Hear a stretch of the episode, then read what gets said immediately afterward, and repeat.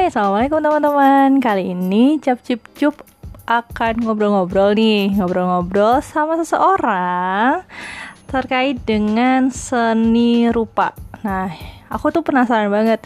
Kalau seni rupa itu mempelajarin apa aja ya? Terus katanya nih Anak-anak seni tuh cenderung gondrong atau nggak beraturan. Bener nggak ya? Yuk kita tanya-tanya. Siapa ini? Halo guys. Namaku Dani. Uh, Mas Dani ini lulusan seni rupa. Uh, lebih tepatnya pendidikan seni rupa, guys. Bedanya seni rupa sama pendidikan seni rupa apa? Uh, biasanya kalau pendidikan seni rupa itu ada perbedaan sama yang seni rupa murni atau seni rupa di bidang yang lain. Nah, misal kayak kriya, patung kayak gitu. Nah, di pendidikan itu khusus mencetak atau apa ya uh, visi misinya itu khusus untuk di bidang pendidikan. Jadi kayak di sekolahan kursus dan lain sebagainya. Kayak gitu. Oh jadi kalau misalnya seni rupa yang murni itu nanti lulusannya bakal jadi seniman tuh. Kalau misalnya pendidikan seni rupa itu pasti akan jadi guru seni rupa di sekolah-sekolah. Kayak gitu? Nah dari uh, visi misi dan tujuannya seperti itu. Tapi untuk prakteknya biasanya uh, itu pilihan. Uh, jadi nggak nggak nggak apa ya namanya uh, nggak selalu. Yang dari pendidikan itu mesti terjun ke bidang pendidikan yang di seni rupa. Nggak mesti dia akan setelah lulus setelah keluar dari uh, perkuliahan bangku perkuliahan.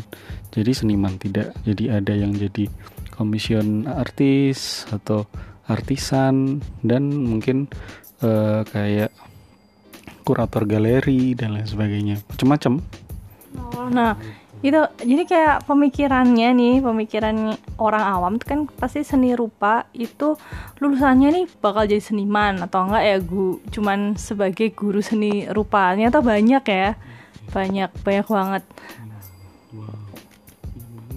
Terus habis gitu kayak uh, kesejahteraan nih lulusan seni rupa. Nah kayak orang-orang yang berkecimpung di seniman tuh katanya nih ya kan? Itu tuh kayak apa ya? Ya sementara itu tuh nggak bisa dijadikan pegangan hidup karena memang orang kalau seni kan apa ya? Kayak misalnya ya sesuka dia mau ngerjain atau enggak kayak misalnya gitu mau ngejual atau enggak. Nah itu tuh gimana? Hmm, kalau pandangan kita sebagai orang yang pernah uh, menyelami bidang seni rupa atau pernah terjun di dalamnya sebenarnya relatif sih. Kalau orang lihat itu ya ya kalau kebanyakan secara umum memang melihatnya seperti itu. Ya hampir sama lah seperti kalau bidang-bidang lain kalau uh, membicarakan tentang pekerjaan ya. Tapi kalau uh, di dalam dunia sendiri padi sendiri ya itu bermacam-macam. Ada ada seniman yang uh, apa istilahnya karyanya itu hanya sebatas kalau orang awam melihatnya ah gampang anak TK aja bisa ngerjain. Tapi harganya miliaran dan lain sebagainya kan uh, relatif. Jadi jadi intinya kalau di dunia seni itu nggak bisa diukur dengan apa ya namanya dengan eh, indikator-indikator seperti bidang lainnya gitu jadi ada beberapa nilai faktor yang mendasar itu semua gitu loh. Terus kemudian apalagi kalau di bidang pendidikan ya pasti kan uh, mikirnya pasti guru. Guru pun juga uh, masih taraf wajar dalam dunia pekerjaan kalau dunia apa pendapatan dan lain sebagainya kan masih taraf nah jadi uh, itu bahasanya sebenarnya lebih dalam lagi sih. Banyak faktornya. Kalau mau dibicarakan uh, nanti akan cukup lama sebenarnya. Jadi banyak apa namanya uh, relatif akhirnya kalau kita lihat ya. Jadi nggak sampai apa namanya kalau orang umum melihatnya seperti itu tapi kalau orang umum itu tadi tahu atau mengalami itu beda pemikirannya nantinya. Jadi kayak gitu. Jadi uh, uh, pengukurannya itu udah tahapan atau tatarannya kalau di bidang seni itu jadi ada kalau ke uh, apa nah pe, pendengar ini nanti cari itu ada namanya ya. Jadi kayak teori namanya diagram Maslow.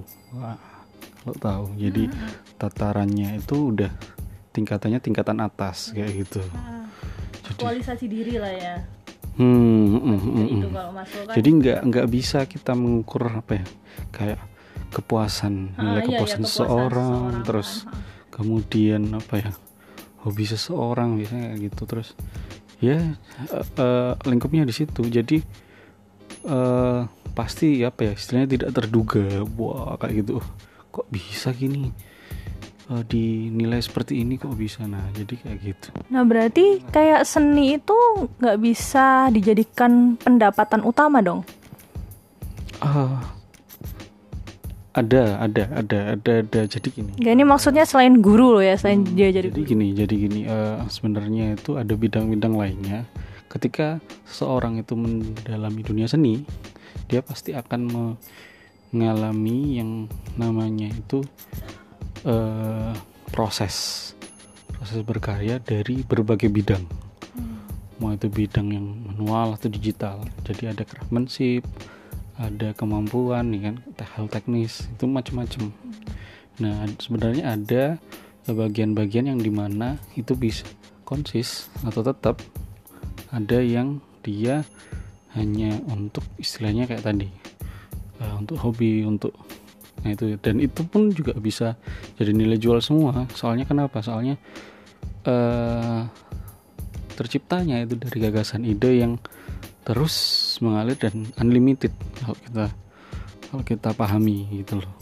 Jadi eh jadi kalau misalnya hanya diukur dengan material itu eh, istilahnya enggak eh, apa ya masih masih kurang jadi ada tataran tinggi lagi selain itu gitu loh gitu Ah. sih Oke, terus kayak misalnya kita tahu nih orang awam nih taunya kalau seni rupa itu pasti melajarinya kayak cuman ngelukis, ngegambar, patung kayak gitu-gitu. Bener nggak sih? Terus pengen tahu nih apa aja sih yang uh, Mas Andi pelajarin ketika kuliah pendidikan seni rupa. Nah, terus bedanya sama kuliah yang di seni rupa murni ini apa yang mereka pelajarin? Pasti tahu kan, pasti punya teman lah yang seni rupa murni terus bisa bandingin. Hmm, yang dipelajarin yang dipelajarin banyak sih kalau kayak gambar dan lain sebagainya sebenarnya basic sebenarnya nanti itu juga ada apa ya eh, pembelajaran lain selain itu misal soft skill terus kemudian eh, beri- eh, kalau di bidang lainnya ada presentasi pitching juga ada. Bagaimana sih eh, mahasiswa atau seniman itu tadi dalam dunia perkuliahan itu mampu misalnya mempromosikan karyanya untuk ngomong di depan orang kurator sama kolektor itu bagaimana terus kemudian bagaimana cara memarketingkan karya mereka macam-macam. Kalau di dunia pendidikan bagaimana cara mengajar? Terus materi yang diajarkan di sekolahan misal bedanya SD itu apa dulu SMP apa SMA apa jadi grade-nya itu seperti apa? Nah jadi seperti itu macam-macam. Terus biasanya kalau di pendidikan itu masih apa ya masih campur ya. Jadi ada yang musik ada yang kerajinan ada yang murni rupa. Nah itu tergantung. Nah, makanya kurikulum sekarang itu masih apa ya eh, masih mencampur campur di kesenian itu. Jadi seorang pendidik di dunia pendidikan seni rupa itu harus sebenarnya bisa semua. Misal musik harus bisa terus kemudian eh, kerajinan harus bisa. Nah tapi itu semua udah didapatkan. Kalau di pendidikan seni rupa itu dapat semua. Oh, pendidikan seni rupa juga ada musiknya gitu. eh paling tidak dia bisa main musik ya. Kan ada memang jurusan musik sendiri. Enggak itu eh, kemampuan di luar dari bidang pendidikan. Jadi kalau yang lainnya biasanya udah dapat semua mulai patung eh, eh, apa namanya kayu kriya. Kriya itu masuk kriya. Terus kemudian eh, batik ya terus dan lain sebagainya. Itu ada semua Oh, batik itu juga masuk seni rupa ya? Oh iya, pasti masuk seni rupa batik itu. Nah terus ini tingkatan dari SD, SMP, SMA Misalnya kayak SD ini tuh mempelajari seni rupa itu apa aja? SMP itu kayak gimana? Apa sama atau tingkatannya yang berbeda atau pelajarannya tuh beda? Nah itu. Waduh, uh, itu udah lama sih mbak. Kalau masalah uh, eh, SD itu apa? Jadi paling enggak kalau SD itu biasanya yang uh, grade-nya itu ya levelnya ya, itu ya. yang basic ya. Mm-hmm. paling mudah ya kayak misal menggambar terus kemudian komposisi. Dulu kan pernah gambar gunung matahari sawah ya kayak gitu. Terus kemudian uh, mungkin nanti naik kelas berapa itu ada uh, grade-nya lagi. Nah paling tertata itu udah di SMP jadi gambar perspektif gambar mengetahui warna dan lain sebagainya terus SMA itu lebih kompleks lagi ada digital dan lain sebagainya nah, macam-macam lah Oke okay, digital ah berarti kayak misalnya ah, Mas Dani ini sekarang uh, pekerjaannya apa? Saya ini uh, pengajar sih pengajar di salah satu kampus swasta di Jawa Timur. Jadi uh, jurusannya? jurusannya uh, udah fokus ke jurusan desain komunikasi visual. Nah, desain komunikasi visual itu masuk seni rupa juga? Uh, salah satu cabang dari bidang seni rupa sebenarnya. Jadi uh, istilahnya core utamanya itu awalnya semua itu dari seni rupa. Di seni rupa terus turun jadi ada kriya, ada uh, desain, ada reklame dan lain sebagainya. Jadi awalnya seni rupa dulu dari sejarahnya. Oh, jadi kayak misalnya kita gambar di apa misalnya aplikasi-aplikasi atau software di komputer itu sudah dinamakan seni rupa gitu kan turunannya seni rupa terus kayak reklame terus kayak apa brosur kayak gitu gitu desain desainnya itu juga masuk di seni rupa gitu ya Mm-mm. secara nggak langsung otomatis masuk di seni rupa seni rupa cuma medianya aja yang istilahnya apa ya e, kalau lihat medianya itu dan juga prosesnya beda. Kalau di desain rata-rata kan penerapan. Jadi biasanya dari problem dan lain sebagainya. Jadi kayak ya, permasalahannya apa terus komposisi warna dan lainnya itu pakai apa harusnya dan lain sebagainya. Jadi kayak gitu. Tapi kalau di seni rupa ada yang seperti itu. Ada yang uh, istilahnya abstrak ada yang jadi uh, kalau orang awam perlu istilahnya apa ya? Uh, pengalaman atau latihan. Jadi pengalaman lebih baru dia bisa menginterpretasi atau apa ya uh, bisa membaca. Tapi kalau kurang dari pengalamannya itu bakal sulit. Nah jadi kayak gitu. Melihatnya hanya sebatas permukaan ini karya kok gini? Yang dipajang jelek dan lain-lain. Nah, tapi itu ternyata uh, karya tersebut tuh biasanya dalam maknanya. Kenapa pakai warna itu? Kenapa komposnya kayak gitu? Nah jadi kayak gitu. Jadi kalau di desain itu biasanya penerapannya aja. Penerapan uh, bentuk ini objek ini kalau dimasukkan ke dalam media seperti ini itu bagaimana? Hmm. terus uh, cocok tidak? Misalnya gitu. Terus kemudian banyak faktornya juga. Jadi biasanya udah.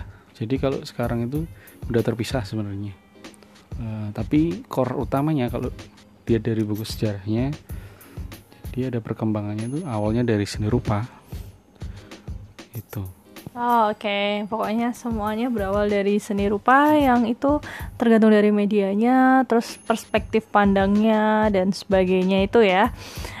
Terus ini uh, yang paling apa sih jadi pembicaraan di kalangan uh, mahasiswa nih ya pasti kan kita tahu nih kita punya temen anak seni. Ah anak seni tuh cenderung gondrong terus kayak nggak beraturan selengean kayak gitu. Itu bener gak sih? Beda nggak kok? Misalnya mungkin kan mas Dani di pendidikan seni rupa nih sama anak pendidikan seni, seni murni. Apa yang kayak gitu tuh yang seni murni terus yang pendidikan enggak atau kayak gimana? Uh, jadi gini uh, kalau itu stereotip ya baliknya ya. Jadi kayak istilahnya kalau untuk hari ini itu sama kayak tren. Nah jadi stereotip seni rupa atau mahasiswa era 80 90 mungkin masih ada. Jadi itu era-era klasik. Di mana masih gondrong eh, nggak mandi tujuh, tujuh hari misalkan seminggu nggak ya, mandi ada ya wah gitu. ada banyak Jangan Mas Dani juga termasuk kayak gitu. ya pernah lah nyoba itu kan ritual Oh ritual. iya Oh, ritual gitu. Ritual untuk Ah, ritual untuk berkarya nah biasa kalau tidak eh, tercium bau kecut-kecut gitu eh, kurang mantep menggarap karya jadi nggak ada ide gitu ya. iya kan munculnya ide itu dari wah Oh, oke. Ternyata pas waktu selesai bikin karya baru keinget wah ternyata aku belum mandi seminggu Iya, iya, sampai iya. itu. terus kemudian Gitu-gitu. eh, mungkin dalam kurun waktu sekarang udah eh, hanya beberapa meskipun gondrong tuh udah rapi sekarang jadi kayak ada yang di rebonding pakai vitamin beda sama Serius. oh iya beda sama Jamet gondrong. dong jamet. oh iya jamet jamet sekarang Anda kok tahu jamet Ih lagi booming banget kan jamet itu. kuproy kuproy Pro. Enggak tuh habis itu berarti kan ini Mas Dani kan sebagai pengajar. Nah, berarti mahasiswa yang diajar nggak seperti itu dong. Nggak seperti dulu waktu Mas Dani jadi mahasiswa. kebanyakan udah eh, gaya yang dianut udah mengikuti tren sekarang jadi eh, hype ya jadi eh, kalau masalah style gaya itu kan mengikuti tren kalau dulu era-era bapak atau ibu kita ya jadi lahir umur 70 eh, 60 70 80 terus sampai 90 mungkin masih ada seperti itu gondrong kelas apa ya istilahnya. Eh, karena karena karena ada paham-paham tertentu biasanya. Dulu itu ada paham apa namanya eh, jadi sebelum ada kaum kaum indie itu dulu ada eh, saya lupa paham yang biasanya John Lennon sama Yoko Ono itu ada kayak eh, apa ya paham-paham kayak kembali ke alam dulu ada seperti itu alam, back tapi pakaiannya nature. pakaiannya juga rapi juga meskipun gondrong gitu Oh, terus kemudian ada yang ya, klasik gitu. eh, disco Oh, dulu iya, iya, seperti itu mungkin trennya pasti masih ada. Baju jangkis dan lain sebagainya tuh ada dulu Hmm. tapi sekarang udah ya di kalau sekarang itu ad- masih ada cuma mengikuti yang era sekarang itu bagaimana kayak gitu Hmm. itu sih Oke, terus nah ini mahasiswanya. Sekarang dosennya. Nah, dosennya itu ada sih kayak dosen kok dosen seni kan pasti ada lah, dosen seni yang nyentrik kayak gitu-gitu. Kita tahu kayak misalnya apa ya, seniman-seniman yang seni rupa, terus yang seni-seni di kayak mungkin apa IKJ nah kayak kampus-kampus itu kayak pasti ada dosen-dosen tuh yang katanya tuh kayak nyentrik banget gitu. Tapi dari kenyentrikan itu tuh kayak ada apa ya ilmunya lebih dapet gitu. Ada nggak kira-kira dosen-dosen ini yang kayak gitu? Ada sih dulu. Jadi eh, beberapa aja. Cuman eh, masih terlihat rapi ya formal. Karena kenapa? Karena ya ini bedanya ya dari awal yang di bidang pendidikan sama bidang seni rupa murni. Jadi eh, mungkin eh, gaya atau tren pengajarnya itu beda.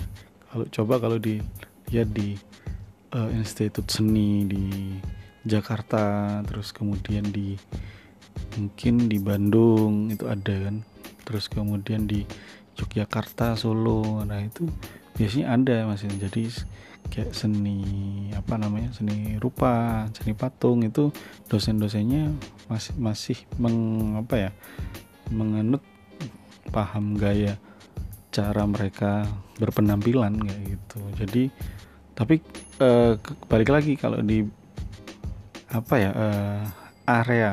Jadi eh, apa ya lokasinya itu di bidang di sekolah-sekolah atau kampus yang notabene basicnya itu pendidikan. Meskipun seperti itu dia masih pakai rapi masih. Jadi kalau sekarang itu masih ada yang pakai flanel itu masih ada. Terus kemudian eh, hem terus kalau hari formal itu pakai baju putih celana hitam dan lain sebagainya. Jadi tidak apa-apa seperti itu. Jadi wa- wajar lah yang penting kan balik lagi feedback dari ilmunya itu Oh ya, ha. terus habis gitu eh, gini. Kenapa sih Mas Dan eh, Kak, Mas Dani S2 ini eh, S2 kan ya? S2 itu lulusan kampus mana, Mas? Saya di Pasca isi Yogyakarta. Oh ya, isi Yogyakarta. Isi Yogyakarta kan emang emang lingkup seni, ya kan? Tapi seninya seni pendidikan ya? Eh, enggak, saya ambil murni desain komunikasi visual. Jadi keluar dari eh, zona S1 saya. Jadi beda. Kenapa? Karena mungkin anu ya, pilihan ya. Jadi saya lebih tertarik ke bidang desain, akhirnya terjunnya ke sana gitu. loh. Soalnya kan dari awal saya sebenarnya inginnya masuk ke dunia desain. Cuma kan nggak ada. Adanya yang di Surabaya itu yang satu. Ya, akhirnya masuk yang seni rupa pendidikan. Tapi di dalamnya juga masih ada eh, istilahnya pilihan penjurusan. Nah, jadi penjurusan ada yang rupa, kriya atau grafis. Nah, saya pilih grafis waktu itu. Oh, jadi seni rupa masuk seni rupa itu di S1 itu ada penjurusannya lagi nih. Iya. Oh, itu di semester berapa penjurusannya? Itu di semester 5 kalau nggak 6 lupa saya. 6 sepertinya. Hmm, hmm, hmm. Terus akhirnya yang seni grafis itu ya. Nah, kenapa kok apa namanya eh, memilih jadi pengajar daripada misalnya banyak nih kan katanya tuh tadi banyak banget lulusan seni rupa yang bisa ke mana-mana lah. Kayak misalnya seniman atau apa yang punya galeri atau seperti apa. Nah, itu kenapa kok memilih jadi pengajar? Nah, dulu saya pernah kerja belum sebelum ngajar pernah kerja di advertising di Surabaya. Terus kemudian eh, saya coba iseng nih submit eh, nerusin pasca. Ya iseng aja sebenarnya.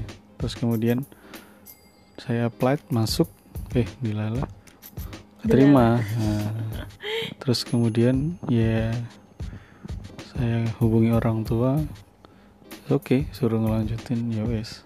Jadi eh, nah pas waktu ngelanjutin itu masih di S2 itu juga dilema juga. Kira-kira mau nerusin eh, kerja atau bagaimana? Nah, seiring berjalannya perkuliahan di sana terus kemudian ada pandangan lagi pandangan pandangan oh ternyata ya udah saya eh di apa namanya ditawarin terus kemudian saya coba situ. Ya mungkin itu jadi ya kembali lagi ya dari pembicaraan awal.